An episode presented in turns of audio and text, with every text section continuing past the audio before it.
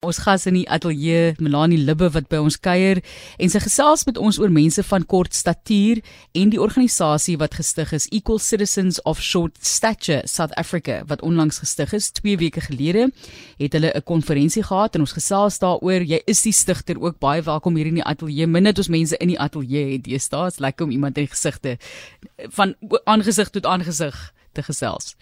Baie dankie Martelies en Johan dis heerlik om hier te wees by julle Ek wil net seker maak jou mikrofoon is daar so aan Janie. Sê maar net As baie welkom. Ons sê weer baie, baie welkom. Dankie. dankie. So gesels met ons oor die die behoefte vir so 'n organisasie. Ons gaan nou 'n bietjie gesels oor die definisie van 'n persoon met kort statuur. Daar's geweldig baie diskriminasie wat oor die jare, jy weet, gepleeg is teenoor mense, jou eie lewe ook, maar die organisasie om dit te formaliseer. Wat was die behoefte daar?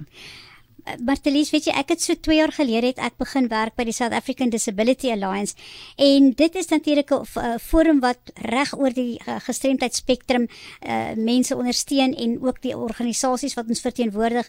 En ek het besef daar is regtig geen verteenwoordiging vir persone van van kort statuur soos ek self nie. En ek het begin navorsing doen en toe sien ek nee, kyk, hier moet ek nou iets doen. En dit was toe nou ek het eers um, teen so 30 mense bymekaar gekry en ons het 'n eerste vergadering gehou net voordat uh, COVID ons voete onder ons uitgeslaan het.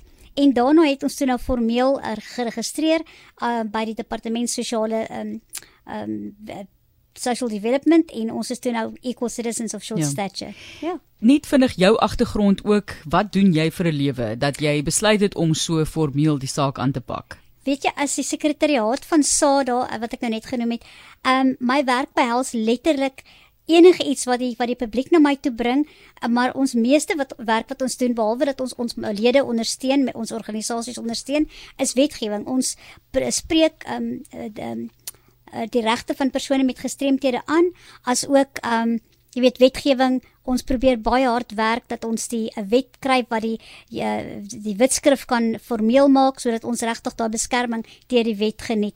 En dan werk ons met organisasies internasionaal soos die uh, Verenigde Nasies en die Wêreldgesondheidsorganisasie en dis meer. Ja. Kyk in Engels praat hulle nou van dwarfism, dit is bewusmakingsmaand. Ons verwys daarna as mense met kort statuur. Jy is self 'n persoon van kort statuur.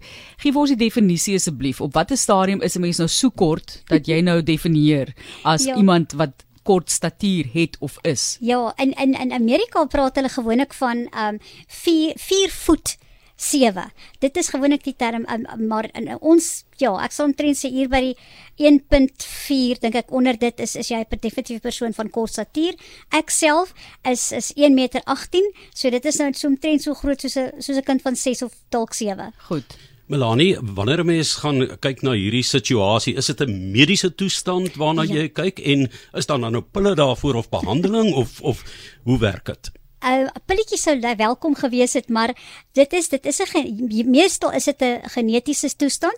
Dit kan ook 'n mediese toestand wees uh, wat wat uh, gevorm word met 'n groeibeperking wat veroorsaak word deur die petietklier, maar oor die algemeen, meeste van die tyd is dit 'n genetiese afwyking en weet jy, dit is nie normale lente ouers kan 'n kind hê met kort statuur. Dit is daar's glad nie 'n verbintenis, maar natuurlik kan ek ook bysê dat as twee persone van kort statuur 'n baba sou hê, is kans natuurlik baie groter vir die babatjie om dan nou ook 'n kort statuur te hê. Met toestande soos byvoorbeeld albinisme, jy weet, is daar al baie verskywings van mense sensitiwiteit wat ontwikkel het. Nou kort mense met sê nou maar 'n dwergagtige voorkoms dikwels in die sirkus voorgelag en so en dit is nou ja. dit is wat jy sien en dit is wat jy uh die persepsie skep maar dit het dramaties verander en wat intellek betref, wat vermoëns betref en so presies dieselfde, né?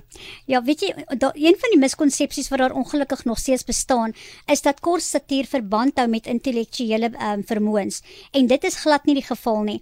Um en ongelukkig is ja, daar's 'n groot verskywing danksy baie menseregte um, um dokumente wat al verskyn het en aan bewusmaking dat die daar is definitief 'n klemverskywing dat mense wat van kosatuur nie noodwendig in 'n sirkus behoort of 'n minderwaardige werk behoort te uh, beklee en pos behoort be beklee nie.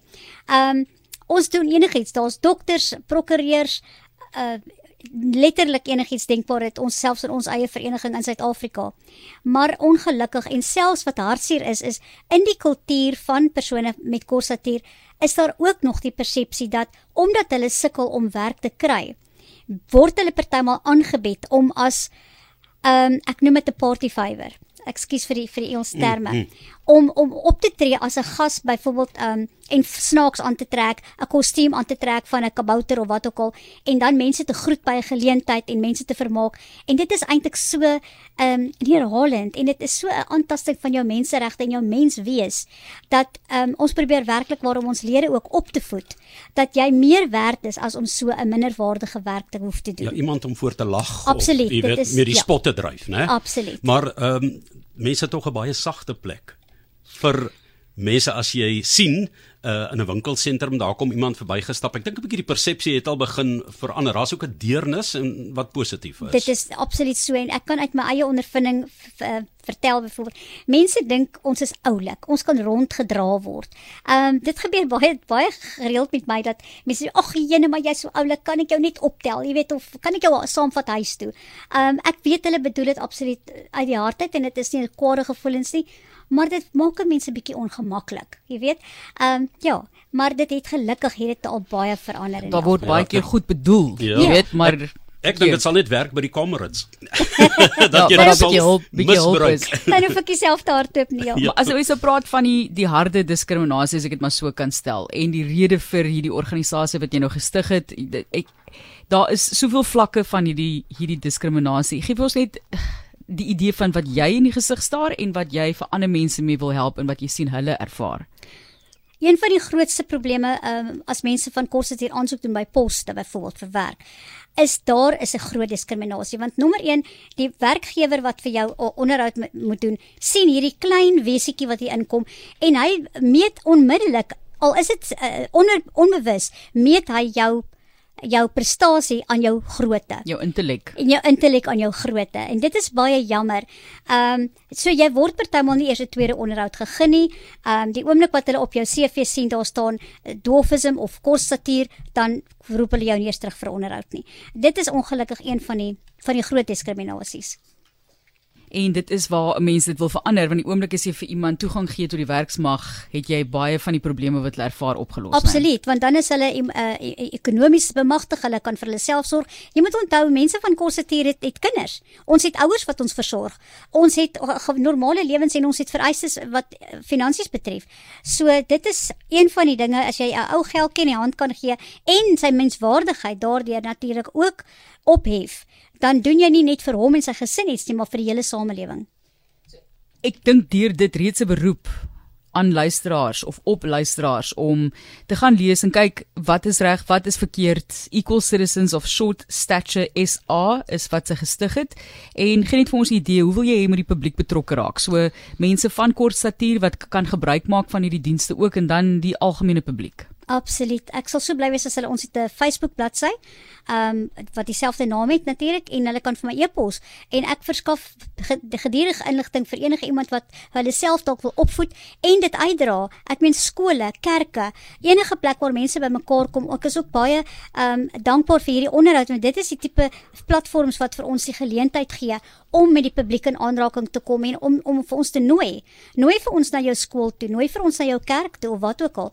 En in in in groot maatskappye, ons is met liefde beskikbaar om om opleiding te doen of of net inligting sessies. Ja ingelig wees is een van die om te weet daar is hulpmiddels, daar is mense wat vir jou kan bystaan en vir jou kan professionele raad gee. Ja. Ek wil so ten slotte vir jou vra uh, in terme van die gebruik in die vermaaklikheidsbedryf waarna jy nou verwys het, jy weet trek snaaks aan, jy het 'n kostuum of so en mense lag Game of Thrones was daar nog al 'n baie belangrike rol wat daar vertolk is. Ja, uh, Pieter Dinklage gelukkig hy word um, geag as 'n as 'n ernstige akteur en nie net gebruik vir sy kort satuur nie.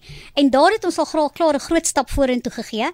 So ehm um, hopelik gaan dit in die toekoms uh, meer en meer gebeur en dat ek weet in ons eie organisasie is daar ook mense wat wat uitgebuit word weet om om om kreatiewe soos die Tokolossie byvoorbeeld te speel wat ek nie baie graag wil ondersteun nie. Weereens sit ons met die probleem dat dit dikwels hulle enigste inkomste is. Melanie Libbe wat gesels oor uh, mense wat dan ehm um, met hierdie dwergagtigheid voorkom, 'n dwarfism wat 'n mediese toestand is en die paadjie wat hulle moet loop en hoe hulle hulle self hulle weg moet baan in die mensdom. En moet sê maar ons is normale mense gebruik ons asseblief.